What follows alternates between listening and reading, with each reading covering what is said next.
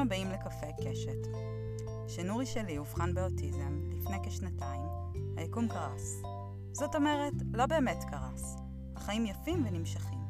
אבל את זה לא למדתי מאנשי מקצוע, אלא מהורים אחרים שהיו שם, שהשיחות איתם נתנו לי כוח, ובעיקר גרמו לי להרגיש שאני ממש לא לבד. בכל פרק אשוחח עם מורה אחר שיספר את הסיפור שלו, מתוך כוונה להעביר את זה הלאה. ברוכים הבאים לקפה קשת.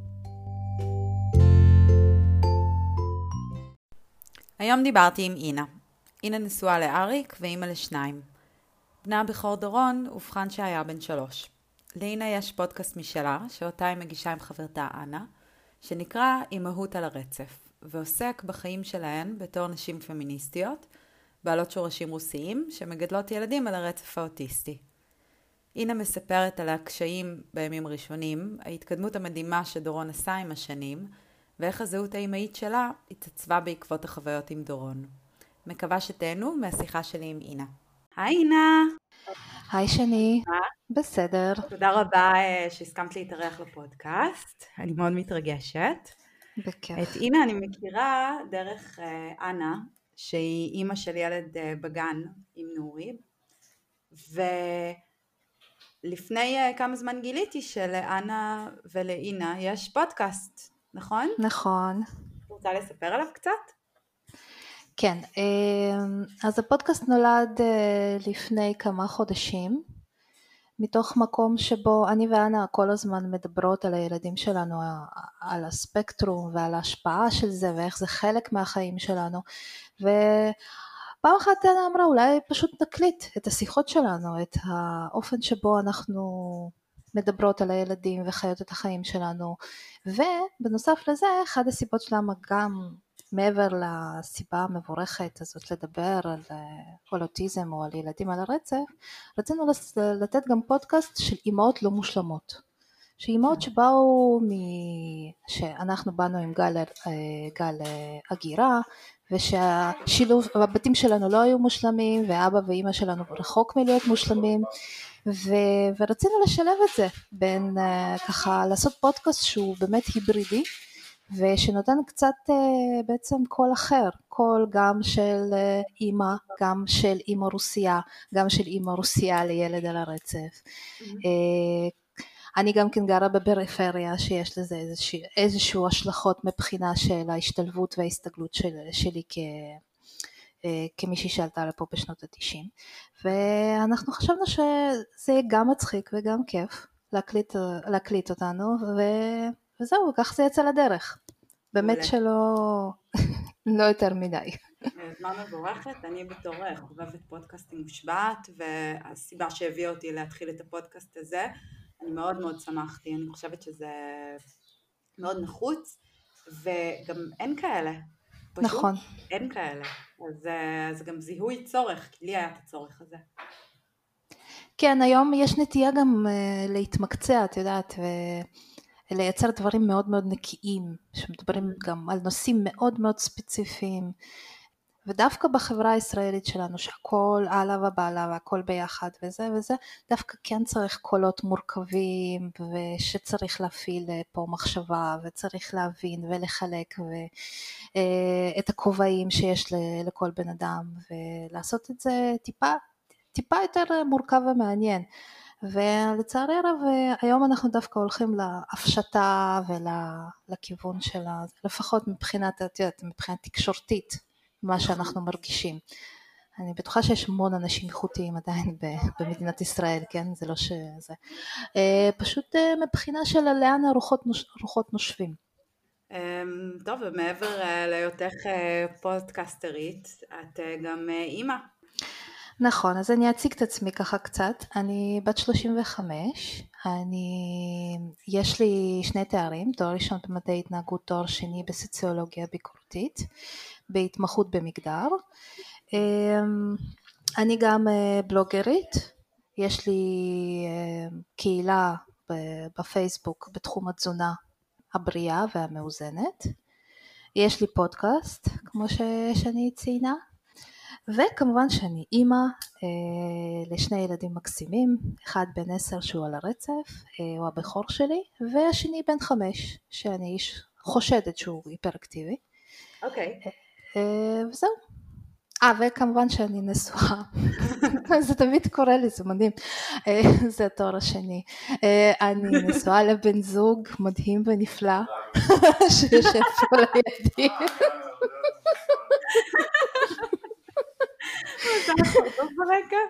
זה עושה לי פרצופים, כן, אנחנו יושבים, יש לנו משרד בבית והוא פשוט יושב פה לידי. עשיתי את זה גם בפודקאסט.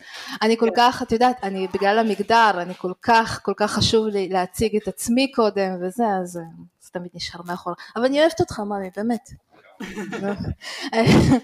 אז uh, אני נשואה לגבר מדהים ובן זוג מדהים ותומך, uh, שיש לו, שהוא עובד בתחום הפרסום באינטרנט, ומאז הקורונה הוא עובד מהבית. Mm. Uh, וזהו, ואנחנו די רגילים, זאת אומרת אני גם עובדת מהבית הרבה זמן, אנחנו רגילים לעבוד מהבית וככה שהכל ביחד והתוספת הנחמדה שהקורונה הביאה זה גם הכניסה לנו את שני הילדים גם הביתה. כן, הקורונה לא הזיזה לכם הרבה אם ככה. אה, את האמת שמבחינת ההסתגלות למצב החדש לנו ספציפית אני רואה שלנו הרבה יותר קל כי אנחנו רגילים אה, וגם לא מזמן, לא מזמן, לפני שנתיים עברנו לבית עם קרקע וככה יש מקום לכולם. איזה הבדל. כן, יש לי גם מלא מלא חיות בבית, יש לי מלא. יש לי שלושה חתולים ושתי כלבות אה, אה. אחת רועה בלגית, אחת רועה גרמנית ושלושה אשפתולים. אז אה, כן, אז אנחנו בית כזה גדול, רועש עם המון המון המון אה, אה, עשייה ו, וחוסר שקט טוטאלי. כן, אבל אני רואה איך זה עובד בהרמוניה, באמת בתקופה כזאת שכולם בבית לאורך זמן. זה מאוד חשוב. נכון. כן. אז אני רוצה לדבר איתך על, אה, על ההתחלה. לקחת אותך אחורה אה, לחיים לפני הילדים. אז ככה, אז החיים לפני הילדים, אני כמו רוסיה טובה, באמת שלא לקחתי הפסקה. אני סיימתי תיכון, הלכתי ישר לעבוד שנה שלמה, אחרי השנה הזאת אה, התחלתי שירות לאומי, עשיתי קורס מזכירות רפואיות, סיימתי את הקורס, היה לי איזה חודש הפסקה, עשיתי את הרישיון נהיגה שלי בחודש הזה, התחלתי שירות לאומי, שנה אחת סיימתי, בשנה השנייה התחלתי ללמוד פסיכומטרי, סיימתי את השירות, אחרי שבועיים התחלתי תואר ראשון, אה, אחרי תואר ראשון, כן, כן. וואו.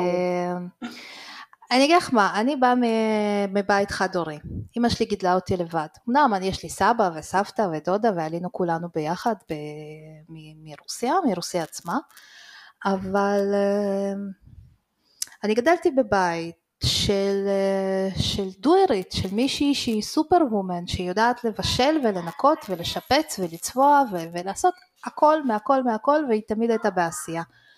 ו- וזה מאוד, אה, מאוד הדביק אותי.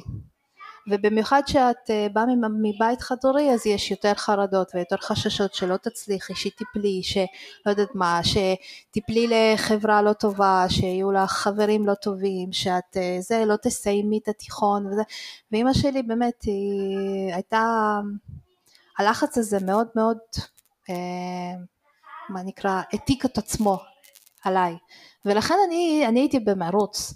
מה שכן זה שזה גרם לי שכשסיימתי את התואר השני שלי אמרתי לעצמי טוב סיימתי את תוכנית האם מה אני עושה עכשיו היה לי מין סוג של משבר קטן אפילו כי כאילו בגיל 25 לא היה לי כבר לא, לא היה לי מה, מה לעשות צריך היה לתכנן תוכנית מחדש ואחרי זה התעסקתי בכל מיני דברים קטנים עבדתי mm-hmm. קצת באינטל במשאבי אנוש ראיתי שמוסדות גדולים זה לא בשבילי ואז בעצם אחרי שנה של ההפסקה הזאת וחיפוש את עצמי בשוק העבודה נרשמתי לתואר שני בסוציולוגיה אמרתי, אמרתי אני אוהבת ללמוד אני תמיד אלמד רוב הסיכויים ובאמת אה, זה.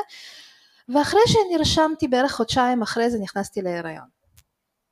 אז אה, באמת שכאילו אם בדרך כלל לאנשים יש את ההפוגות או זה לא, לא הייתה לי הפוגה היה לי את השנה הזאת היחידה בין השני התארים שבה בעצם חיפשתי את עצמי לראות אם אני מוצאת את עצמי בשוק העבודה עם התואר הראשון. וכשלא מצאתי אה, כבר היינו איזה שנה וחצי שנתיים עם אריק ביחד כבר חיינו ביחד. אה, וזהו ואז בעצם נכנסתי להיריון התחלתי תואר שני סיימתי תואר אה, סיימתי שנה א' בשנה ב' הוא נולד ואז לקח לי עוד שנתיים לכתוב תזה אחרי זה סיימתי את התזה וכבר זהו, כבר היה לי ילד. אבל הכל היה, הכל היה על הדרך. אני אגיד לך את האמת שהיום בדיעבד אני יודעת שבוודאות לא הייתי מוכנה. וואו. וגם לא נפשית ולא פסיכולוגית, לא נתתי, אה, התוכניות שלי, התוכניות הגדולות של איך אני מודעת עצמי, אה, לא נתנו מקום, לא להיריון ולא לילד. זאת אומרת, וגם, אנחנו היינו ממש צעירים, אריק היה בן 24, אני הייתי בת 25, אה, אז אה, זה כזה על הדרך, את יודעת, כאילו לא... אני אגיד לך מה, בתרבות הסובייטית, הרוסית, ילד הוא משהו שהוא רץ איתך בדרך, הוא לא, הוא לא משהו שאת מפנה לו מקום. זה משהו שאת, זה משהו שאת לומדת רק אחרי זה, ולמדתי את זה פה, ולמדתי כמובן את זה בצורה הכי קשה שיש, אחרי שכמובן כשנגיע, כשנספר קצת אה, יותר לקראת האבחון. ולכן היה גם מין טראומה כזאת, השנה הראשונה הייתה טראומטית לשנינו, אנחנו חשבנו אחרי השנה הראשונה הזאת שאנחנו פשוט לא בנויים להיות הורים. שלא, באמת, כאילו, ולא רצינו עוד ילדים. לא רצינו עוד ילדים, אמרנו שעשינו טעות, ש... אה, זה, לא ש... זה לא שאנחנו לא אוהבים אותו, כן? שעשינו טעות, שזה לא בשבילנו, לא בשבילי לטפל, לבשל, להעניק, לנקות, אה. לסדר, אה, שיהיה לה איזה תינוק תלוי על הציץ כל היום, ושאני אזיע איתו, ושאני לא אשן לילות, ו... ושזה... זה...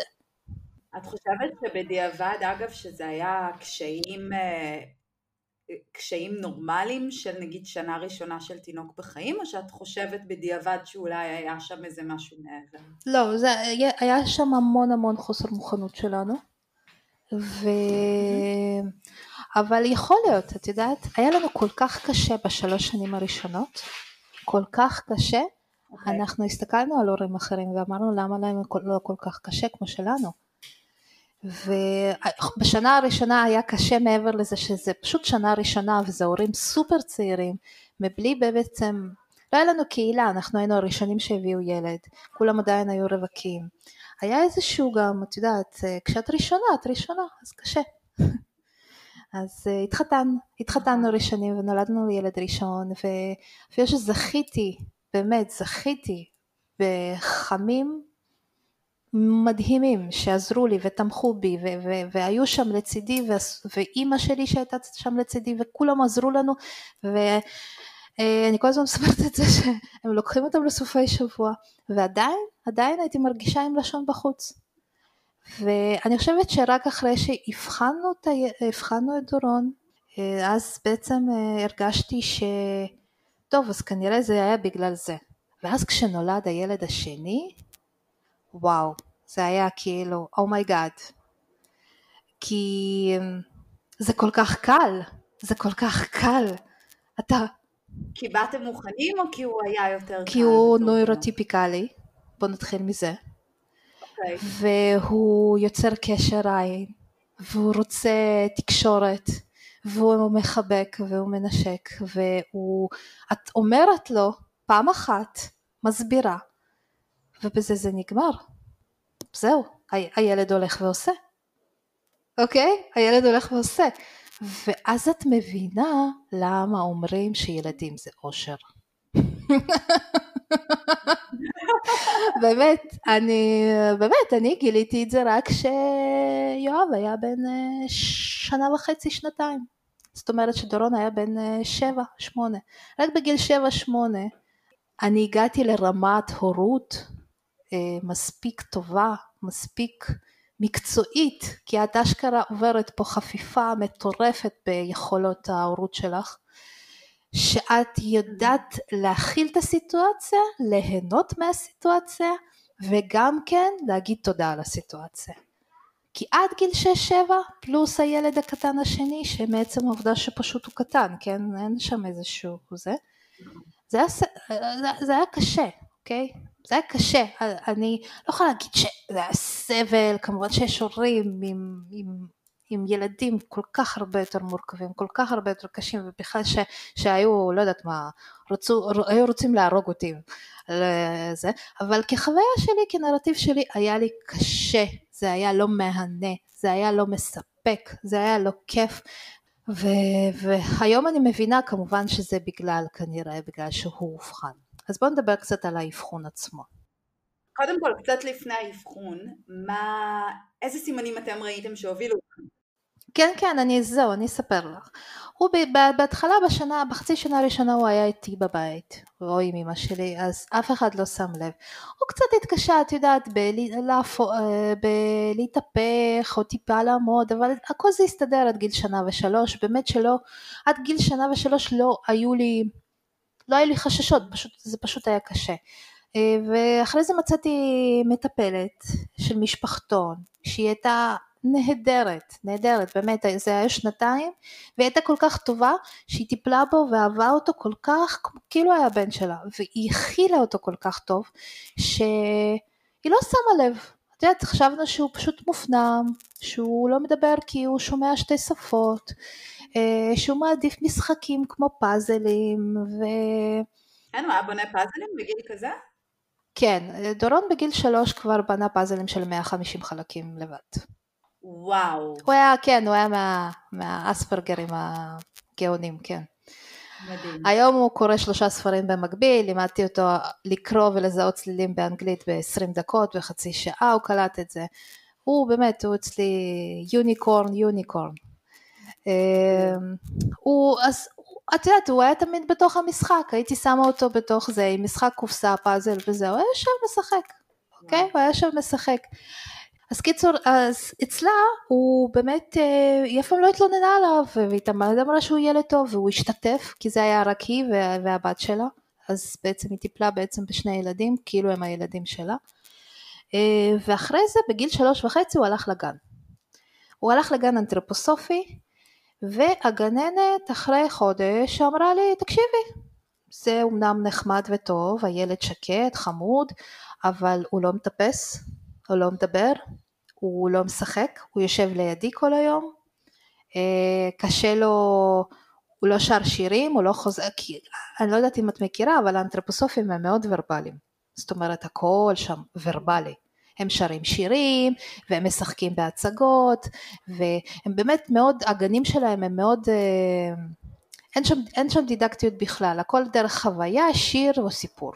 אוקיי. Okay. אוקיי? Okay? אז להכניס ילד על הספקטרום לגן כזה, זה ממש, אה, את יודעת, זה, זה בדיוק ההפך ממה שהוא צריך. באמת, הוא כאילו, זה כאילו לשים אותו בתוך סביבה שהיא לגמרי שונה מהחוזקות שלו, וזה היה כמו, את יודעת, אה, להסיט את הווילון. זה מה שזה היה. כן. להכניס אותו לגן כזה. בן כמה הוא היה שהוא נכנס לגן? בן שלוש וחצי. עד גיל שלוש וחצי הוא בקושי מדבר, אנחנו בהכחשה טוטאלית שהוא פשוט, לא, שהוא פשוט צובר מילים מכמה שפות שהוא שומע, שהוא פשוט ילד מופנם, שהוא פשוט אוהב משחקים דידקטיים יותר, וכל זה הולך לחלוף עם הזמן. ואז הגננת מפוצצת לנו את הבועה, אומרת לנו, חברים לא, זה לא תקין, לכו לפסיכולוגית, לכי לאבחון, יש לי פה מישהי נהדרת, הלכנו אליה, לוקח לה חמישה מפגשים, שזה המון, לאבחן את דורון. ו... ואז היא אומרת, תקשיבי, כרגע הוא במצב של תפקוד אה, בינוני גבוה. אמרתי לה, מה זאת אומרת?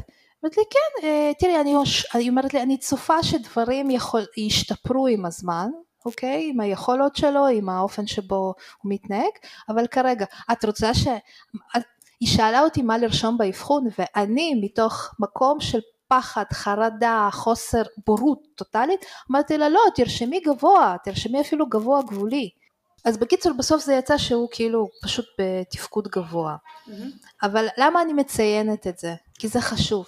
אה, זה חשוב כי בדיעבד היום הייתי מבקשת תפקוד כמה שיותר נמוך אם היה לי אפשרות, אם אה, כאילו, אם היו שואלים אותי את הדבר הזה, אפילו שבסוף מה שקובע זה הפסיכיאטר ולא הפסיכולוגית, mm-hmm. מה שכן ת, ת, צריך להבין שבתפקודים יותר נמוכים מקבלים יותר שעות, יותר החזרים, יותר טיפולים, יותר דרך לעזור לילדים שלכם, אז אל תפחדו מזה, mm-hmm. קחו את זה בהבנה, בקבלה וזה עוד מתנה, זה פשוט עוד כסף מהמדינה. פשוט חשוב לי להבין את זה, כי, כאילו להבהיר את זה, כי הרבה מאוד הורים כל כך פוחדים מהסטיגמה ומה... מהזה שהם גם אני פחדתי, כמובן שפחדתי ו- ו- והיה לי מאוד מאוד קשה ולא רציתי ולא, ולא אמרתי שום דבר לאף אחד. כאילו, התקשרתי לאנה, אמרתי לה קיבלנו אבחון, אה, הוא על הספקטרום, אנחנו מתחילות שבוע הבא טיפול אצל קלינאי תקשורת. זאת הייתה השיחה. זו הייתה שיחה כל כך, בפורמט כל כך קר וכל כך רציונלי, ולקח לי, לקח לי איזה... ש... חושבת שאת התנתקת? התנתקת מזה? כי לא, לא יכולת להכיל את זה? כן, כן, היה לי מאוד קשה. ככה, ככה אני התאבלתי. והיה לי איזה ערב אחד שככה ירדו לי קצת דמעות. ערב אחד? פעם אחת, כן. כי לא, לא, לא הרשיתי לעצמי להתפרק, כי הרגשתי שזה לא, זה, זה לא הזמן, זה לא המקום, וזה גם לא הסיבה. כאילו, הרגשתי שלא משנה עד כמה רע זה נשמע והכל, ולא, לא נתתי לעצמי, אני לא יודעת למה. אה, וכמו כל, הרבה מאוד דברים בחיים שלי, אני הייתי לבד. זאת אומרת, לא, לא היה מסביבי. נגיד בהשוואה לאנה, שחיפשה ישר עזרה באינטרנט, בפורום, בפייסבוק, איכשהו לא, לא, לא עשיתי את זה גם. אני קראתי לעומק מה זה אוטיזם ומה זה אספרגר ומה הם התסמינים של זה, אבל לא חיפשתי קהילה או תמיכה.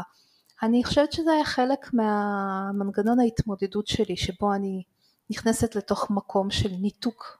כנראה זה, לא כנראה, זה המנגנון שלי, אני נכנסת לניתוק רגשי, נהיית מאוד מאוד רציונלית, mm-hmm. עד שאני מרגישה מספיק בנוח לחזור לה ו- ולהרגיש. ולהתחבר לרגש.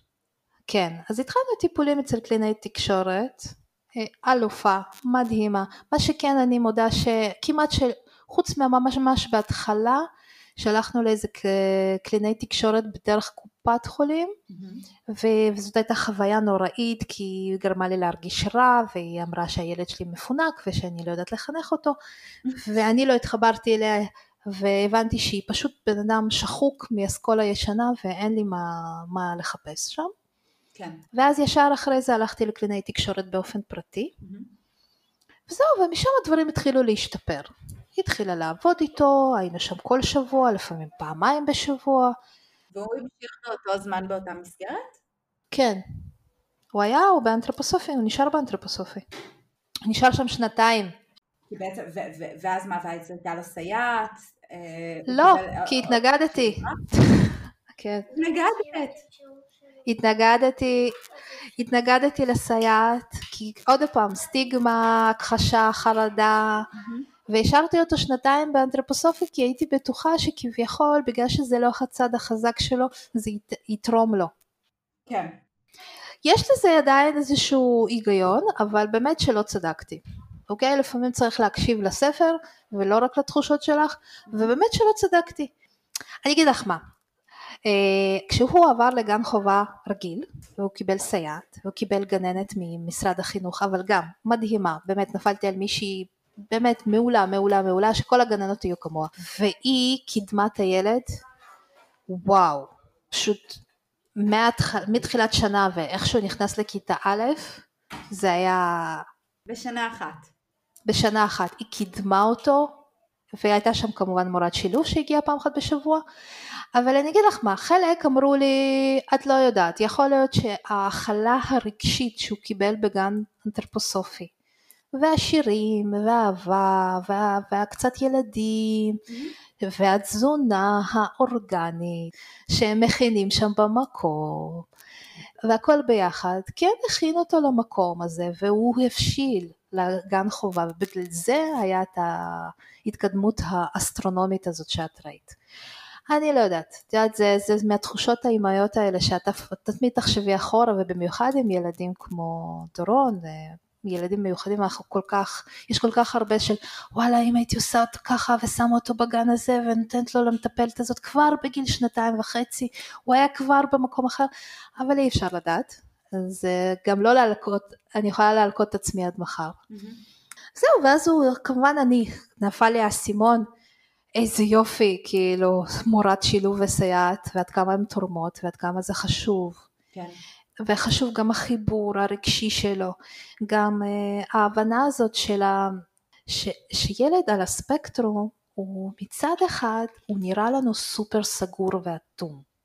הוא כמו סברס, שהוא כולו קוצים, קוצים, קוצים, קוצים, אבל בפנים הוא מושי מושי מושי שמרגיש הכל ורואה הכל ושם לב להכל לפעמים כן? כאילו בסיטואציות מסוימות.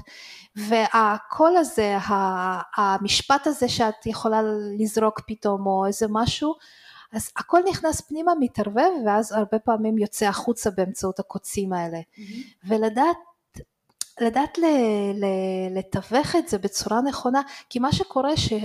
שהוא עצמו מאוד מאוד, נגיד אצלי לפחות דורון, מצד אחד הוא סופר רגיש בכל מה שקשור אליו, אבל לסביבה שלו הוא לא רגיש. וזה זה, זה, זה מחרפן, כאילו.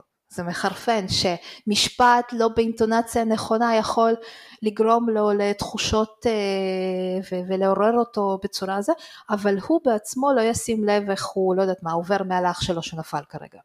אז, אה, והמשחק הזה, איך לדעת להתנהל ו... גם לק... אה, אני רואה אצל הורים אחרים, פחות אצלי, כי אני רוסיה סובייטית, אבל אה, ליפול לתוך מקום של מגננה, זאת אומרת יש הרבה הורים שמאוד מאוד מאוד מאוד מאוד מגוננים על הילדים שלהם והם שוכחים שלמרות שהם על הספקטרום הם בדרך כלל יכולים לשים לב להמון המון סיטואציות ולייצר מניפולציות רגשיות שבסופו של דבר גורמות להם לא להתקדם, לא להתפתח, לא, לא להתקדם ב, ב, ב, ב, בהתנהגות שלהם. ו, וגם זה משהו שמאוד חשוב לי ככה, ככה למי שמקשיב, שככה לעשות עם עצמו חושבים. ו... כי אחד הדברים שאני שמתי לב על עצמי, ונגיד הכל כמובן שהוא בעיקרון בפינג פונג מול אנה ומול הילד שלה כי אנחנו הכי קרובות, כן.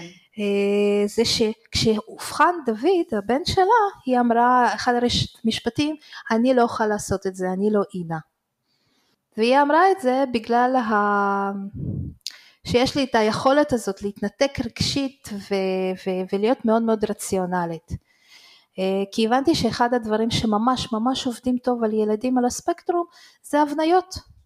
אוקיי? הבניות התנהגותיות, יש תפקיד שלם כזה שנקרא מנתחת התנהגות, אני אפילו שקלתי ללכת לזה, ודווקא ההבניה ההתנהגותית, הנוקשות הזאת לגבי גבולות מאוד מאוד מאוד מאוד ברורים, יוצרים אצלם סדר בראש ומאפשרים לך אה, אה, לייצר סדר יום כל כך הרבה יותר טוב ורגוע בבית וגם בבית ספר ו... וזהו, זה, זה מה שרציתי להגיד מבחינת, אה, מבחינת כל מיני טיפים שאני ככה מצאתי ש... שמאוד מאוד מאוד מאוד עוזרים לי. אה, מבחינת האבחון, כמו שאמרתי, אובחנו בחמש פגישות, היינו אצל פסיכולוג, אחרי זה אצל פסיכיאטר, צ'יק צ'ק קיבלנו את כל הסייעת והמשלבת. ו... במהלך האבחון, אגב, אתם ידעתם לאן זה הולך? היה לכם רעיון או שאתם באתם, אה, או שקיבלתם? לא, אני ידעתי, אני ידעתי, אני, אני כבר שאלתי אותה בפגישה הרביעית, אמרתי לה תגידי וואלה, זה הולך לכיוון האוטיזם, וזה אמרה לי כן, זה הולך לכיוון האוטיזם, אבל אין לי כרגע תשובה ודאית, כמו שהם תמיד אומרים לעצמנים האלה, אז אה, וזהו, אבל אני, אני ידעתי שזה שם, אבל אני גם ידעתי שזה יותר לכיוון, אה, אצלו הולך לכיוון האספרגר כזה, וש...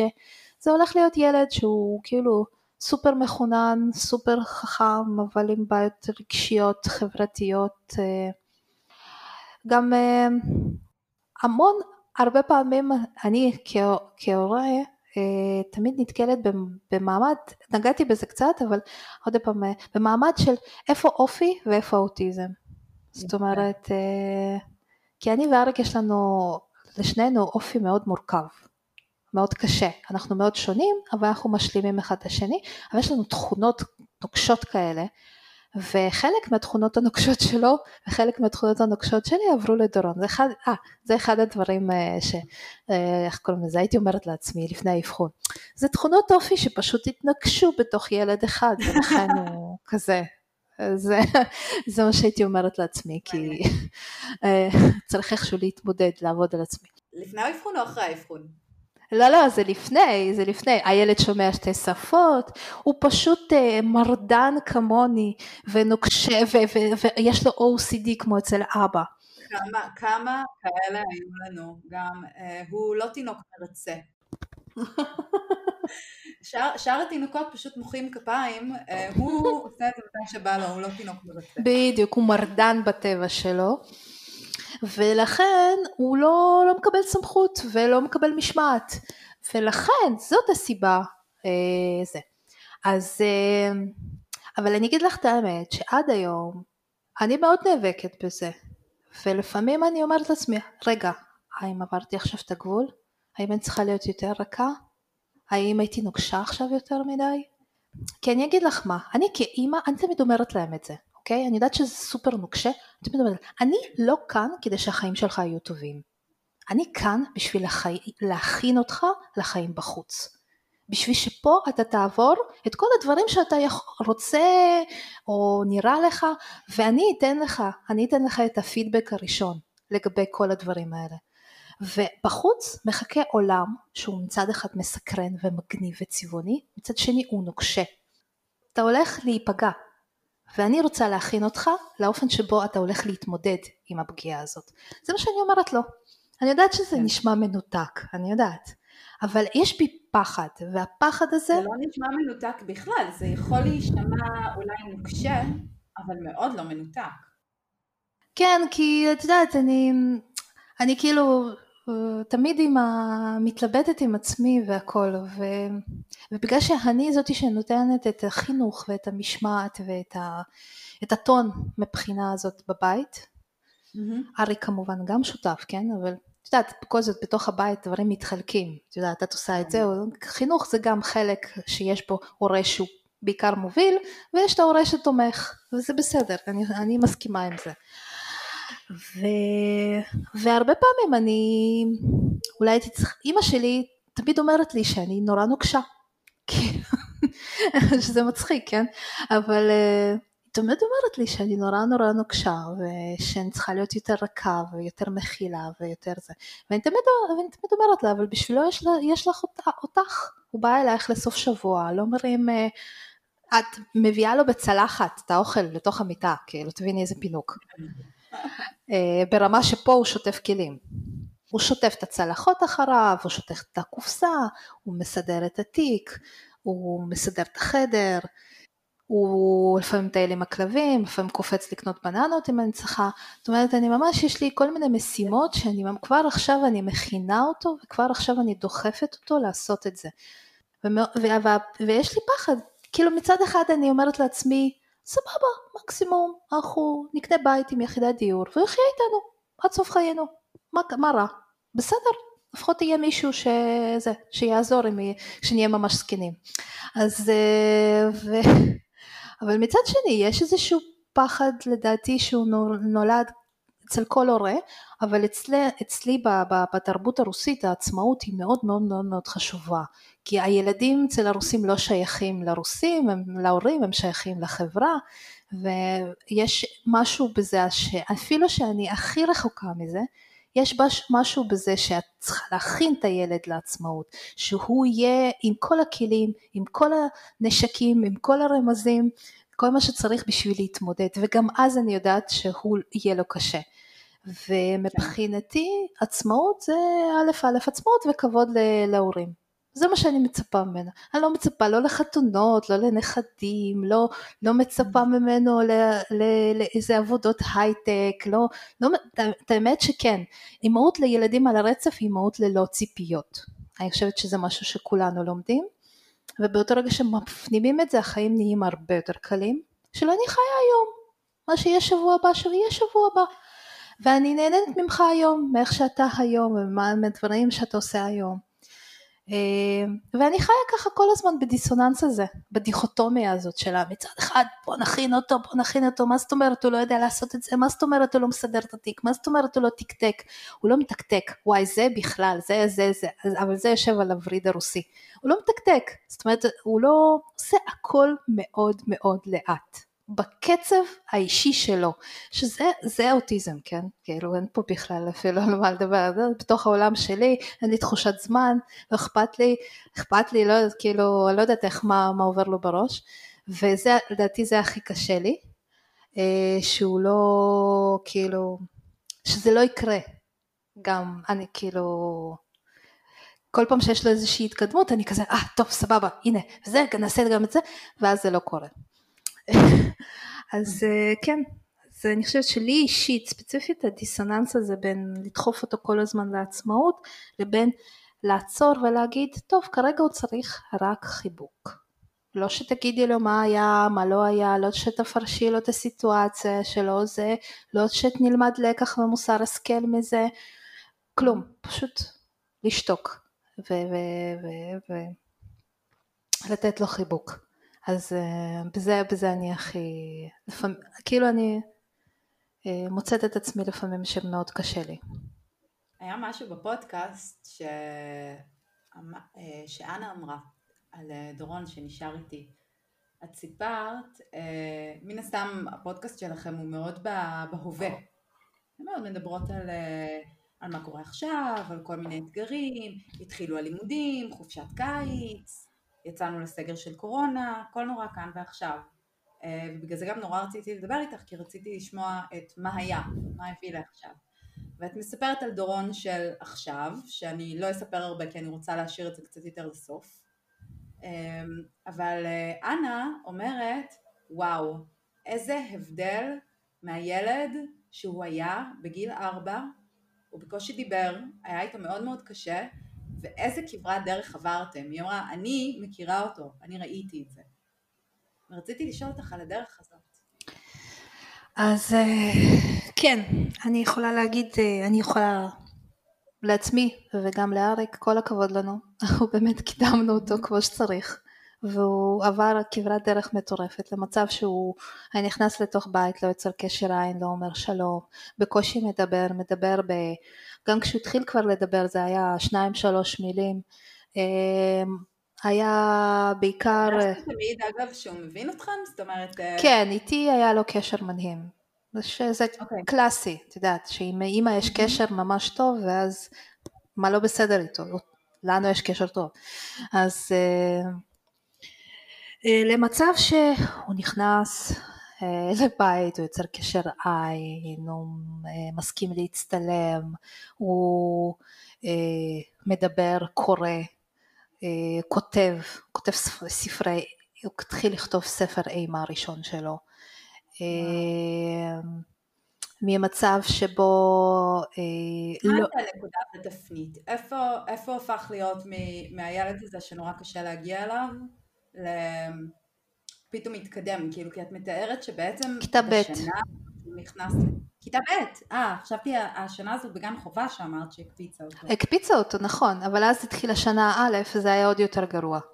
אז זה היה שנתיים סופר קשות, כי אמנם דיבר, אבל מבחינה מסגרתית הוא לא היה מוכן. הוא לא היה מוכן לשבת בשיעור כמו שצריך, הוא לא היה מוכן להוציא את הספר, הוא לא היה מוכן לעשות את המשימות, הוא לא היה מוכן לקבל מרות, לא היה מוכן לקבל סמכות. התקפי... אז הקושי שלו היה עם uh, סמכות את חושבת? בטח, מאוד. Okay. הוא לא התחבר למחנכת כי היא מהדור ה... הישן.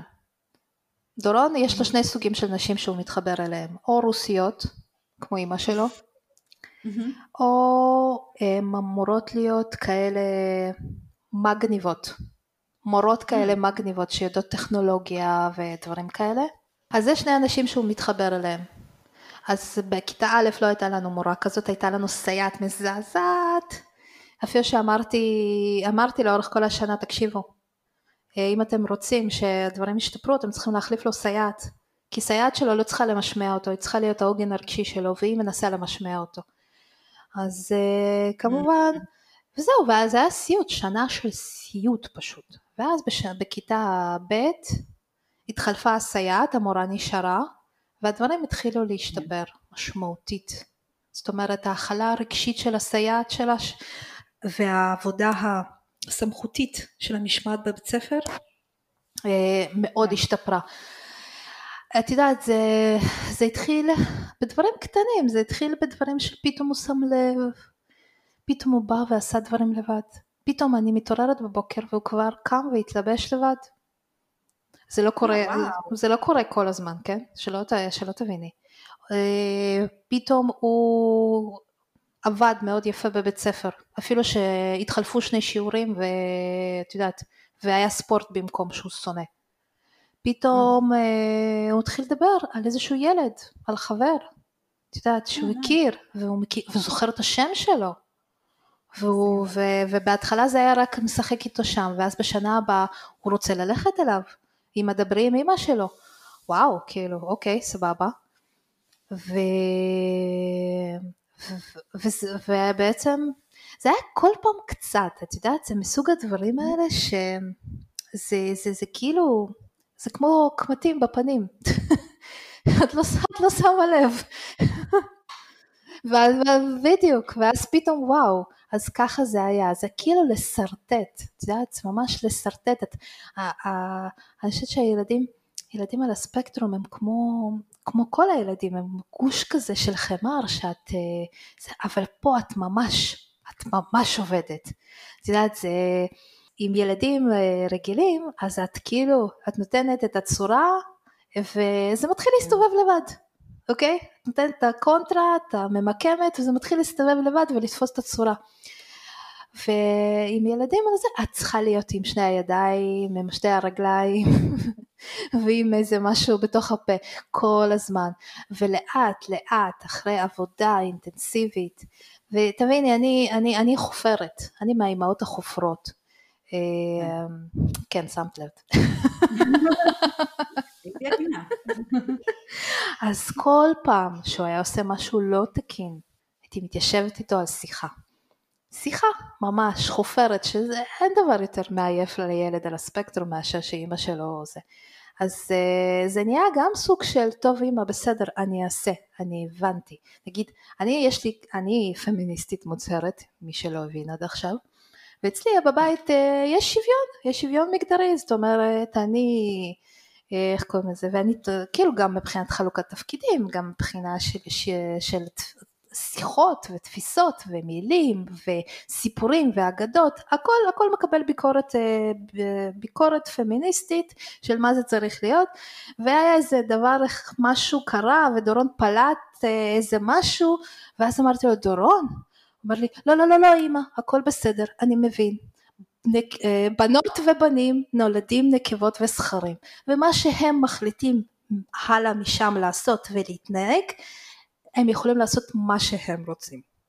זהו, ככה הוא הסביר לי את השוויון המגדרי, שאין מגבלות מגדריות, אני הכל מבין, הכל בסדר, בנות ובנים יכולים לעשות מה שהם רוצים, ותעזבי אותי בשקט ותפסיקי לחפור לי.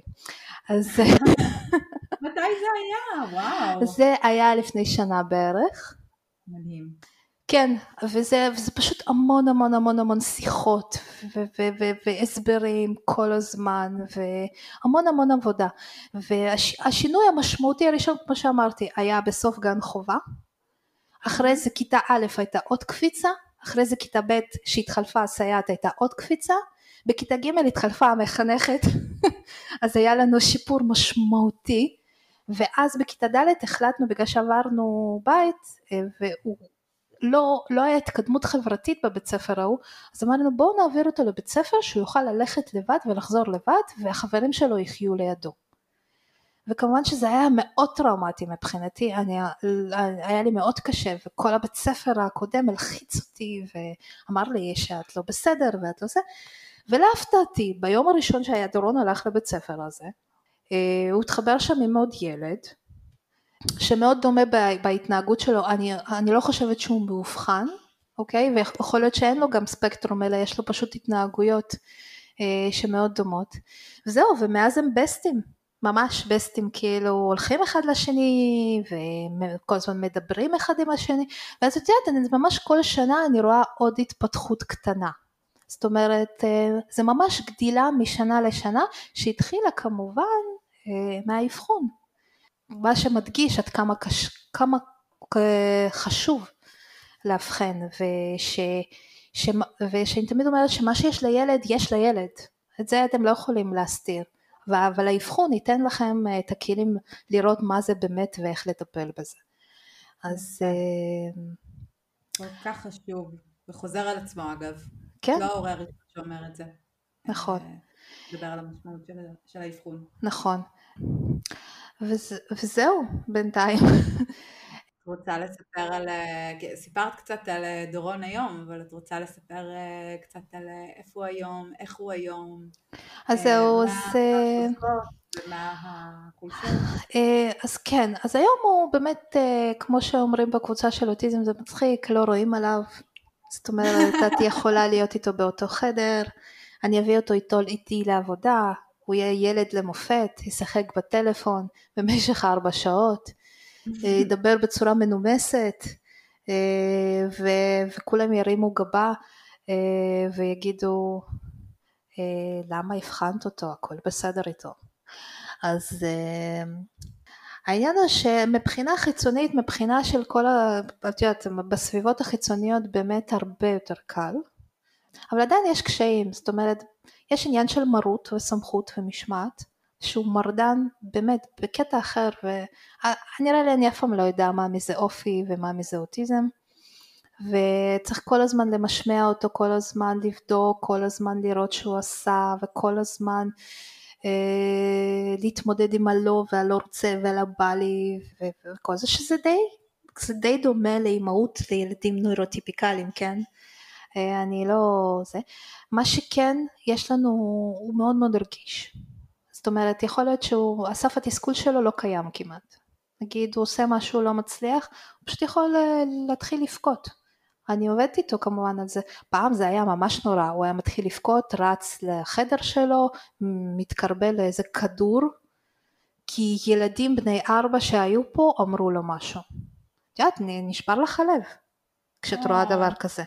כאילו את אומרת לעצמך oh my god אם עושה את זה משני ילדים קטנים שככה התחברו ביחד וככה רצו טיפה לזה איך, איך, איך הוא יכיל את העולם את יודעת מה, מהמובן הזה אז היום היום הוא לא רץ והיום הוא לא מתכרבל לתוך כדור אבל היום הוא בוכה ו, ו, והוא מנסה להשתלט על זה והוא לא מצליח ואני חושבת שזה עוד יותר מתסכל אותו ועוד יותר מביא אותו לבכי זה, זה עניין. Uh, הוא מאוד uh, מפחד מדברים חדשים, מאוד קשה לו עדיין עם שינויים. Uh, כמובן מבחינת הבגדים הוא לא לובש לא ריץ' ראשים, לא כפתורים, לא צווארונים, ג'ינס במקרה מאוד מאוד מאוד מסוים, את יודעת יש ממש המון המון עדיין בעיות ויסות. מבחינת אוכל יש שיפור משמעותי ואני כן מאמינה אה, ומסכימה עם שירה ואני גם מכירה את יעל שיש לי את הספר שלה מגאפס mm-hmm. שמאז שחזרתי, ש... אה, מאז שהתחילה קורונה אני חזרתי הביתה כי, כי פיטרו אותי ופתחתי עסק בתחום הלחמי מחמצת. אז mm-hmm. היום אנחנו לא אוכלים לחם מבחוץ בכלל. הכל אני הופעה, הכל אני עושה, גם uh, ממש קצת דברים, באמת, אני קונה, אני עושה הכל הכל לבד, ומאז שחזרתי הביתה, אה, שעד אז היינו בטיפול אינטנסיבי של פסיכולוגית, כי, כי היה לנו בעיות משמעת ובעיות בבית ספר והכל, מאז שחזרתי הביתה והתחלתי גם כן להשקיע עוד יותר בתזונה מאשר, כאילו אנחנו טבעוניים עשור, אבל, אה, וכבר מוצאים את הסוכר הלבן מהתזונה כבר מזמן, אבל הפעם באמת לקחתי את זה עוד צעד אחד קדימה, ואז אני לא יודעת אם זה זה שאני בבית כבר חצי שנה, או שאני מאוד מקפידה על התזונה שלהם, נפתח לו, נפתח לו התיאבון. זאת אומרת, דברים שבחיים ילדים לא אוכלים. הוא אוכל אצלי, הוא אוכל אצלי אוכל הודי, אוכל אצלי חריף, אוכל אצלי חמוץ, אה, אוכל אצלי מנות מאוד יחסית מורכבות, אבל עוד פעם גם תלוי בימים, יש ימים שזה פסטה בלי כלום וטפח העולם, כן? אה, כן. אבל אה, זאת אומרת הטעמים כן נפתחו, זאת אומרת משהו, ב, אני, אני מסכימה עם זה שמשהו בפנים באיזון המקרוביוטי בתוך הבטן כן עשה שינוי שהשפיע על בלוטות הטעם שלו והוא מסכים לאכול היום הרבה יותר דברים ואת יודעת זה, זה כדור שלג, הוא מסכים לאכול יותר טוב, הוא מרגיש יותר טוב. השינוי בעצם היה יותר, יותר פחות מעובד, פחות תעשייתי, אה, יותר מהבית, או אה, סוכר מן הסתם לא. כן, כן. לא, אני אגיד לך מה, סגר ראשון ניהלתי כמו מפקדה פה. היה לי לו"ז, הם לא קיבלו יותר משעתיים טלוויזיה, כל שעה היה להם פעילות, הוא היה קם לבד בבוקר, מתארגן, אז מתיישב על זום לבד, היו שעות לצהריים, לארוחת בוקר, ערב, מה עושים וזה. סגר שני איבדתי את זה, כן? אני, אני כאילו, אה, היום הם רואים הרבה, הרבה יותר טלוויזיה, אמנם כמובן שעד 12-1 אין בכלל, איך קוראים לזה, מבחינה, מבחינה הזאת זה כן, יש אה, המון המון עשייה ביתית והמון המון נוכחות שהיא פסיבית אני קוראת לזה, שהיא משפיעה על ההוואי המשפחתי ללא קשר לאוטיזם. אני נגיד בזמן הזה עשיתי גם קורס אירוח ביתי, זה כאילו התכוונתי לפתוח אה, סדנאות וכל מיני דברים כאלה בתוך הבית Mm-hmm. ואני הבנתי שעשייה פסיבית, עשייה הזאת שאת עומדת במטבח ואת תופעה או שאת מבשלת והילד ניגש ואת מספרת לו סיפור קטן והוא מספר לך סיפור קטן ואז הוא הולך היא כל כך הרבה יותר חשובה מבואו נשב שעה ביום עכשיו ונשקיע ונשחק זאת אומרת. עדיף כמובן שאני יודעת שזה לא אפשרי, אני יודעת שאנשים צריכים להתפרנס ואני לא, לא, לא באה בביקורת, אני פשוט אומרת את זה מתוך הניסיון שלי. הנוכחות הפסיבית הזאת של העשייה, שאת עושה משהו ואת בבית ואת בקשר עין עם הילדים אה, והם בסלון, הם בעניינים שלהם, מאוד מאוד עזר לי בקשר הרגשי עם שניהם, בקשר הרגשי ביניהם, בהוואי, בללכד את המשפחה, שאני אגיד לך את האמת שזה אבסורדי וזה מצחיק, אבל כשני הורים שעובדים מהבית, יחסית, כן, היה לי חצי שנה שעבדתי מחוץ לבית, אבל לא משנה, אה, היינו הרבה פעמים, כל אחד תקוע בתוך הפינה של עצמו. הילדים היו בחדר משחקים עם הטלוויזיה, אריק היה בתוך המשרד עובד, אני הייתי בתוך הסלון או בתוך הזה וכל אחד היה בפינה שלו ולא באמת היה הוואי משפחתי. והקורונה, יש דברים טובים שהיא עשתה, גרמה לי להבין שאני צריכה, אז הוצאתי את הטלוויזיה מהחדר משחקים, יש טלוויזיה אחת עובדת בבית עכשיו ו- ואנחנו כן היום הרבה יותר בהוואי משפחתי, זאת אומרת אה, אריק יכול לשים לפטופ אה, ולעבוד מהפינת אוכל, אני מכינה אוכל במשפח, אה, במטבח, הם משחקים בסלון וזה מאוד מאוד שיפר את, ה- את, את, את כל ההתנהלות בבית, כל כך הרבה יותר קל להתנהל בהתנהל. נשמע מאוד הרמוני. כן, אני אגיד לך למה, גם זה הרמוני, כי כשהם משחקים לבד בתוך החדר ואת פורצת לתוך העולם שלהם ואת כאילו מפריע, אתה הפורץ, ואז מאוד כן. מאוד קשה, קשה כאילו, אז צריך לעשות שוב את החיבור.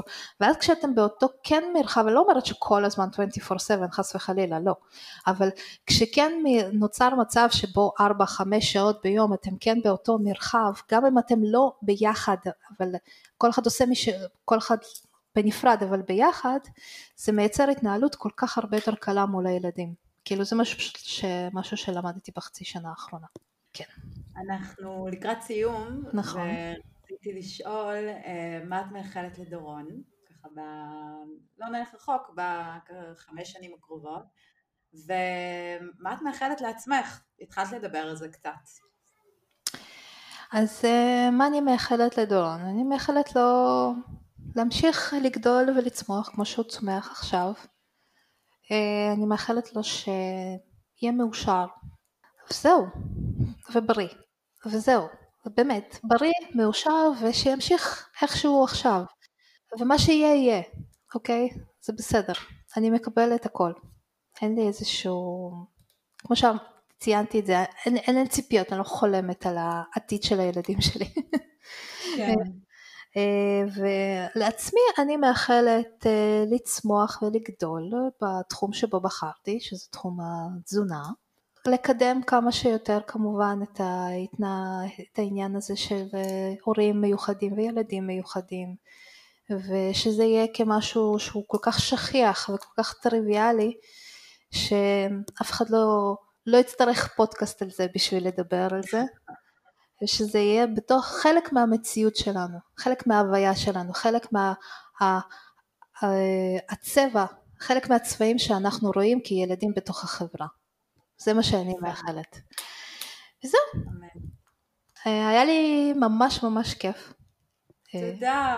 היה, את uh, דיברת על המון נושאים מאוד מעניינים, ואני מאוד אוהבת את הדרך שבה את קודם כל מסתכלת uh, בצורה ככה נורא מפוקחת, בגלל מי שאת, בגלל מה שחווית, בגלל, ה, בגלל האופי שלך, את מסתכלת בצורה מאוד מפוקחת, ונשמע שאת מציידת את דורון בכלים כדי לעשות את זה לבד. זאת אומרת, הוא, הוא השיג כל כך הרבה במהלך השנים האחרונות, והרוב זה בגלל מה שאתם נתתם לו, והביטחון להיות שם. מבינה מה אני אומרת? אה, כן, בהחלט. אני גם תמיד אומרת שדורון תמיד, דורון עשה אותי אימא הרבה יותר טובה. זאת אומרת, יואב אה, הרוויח.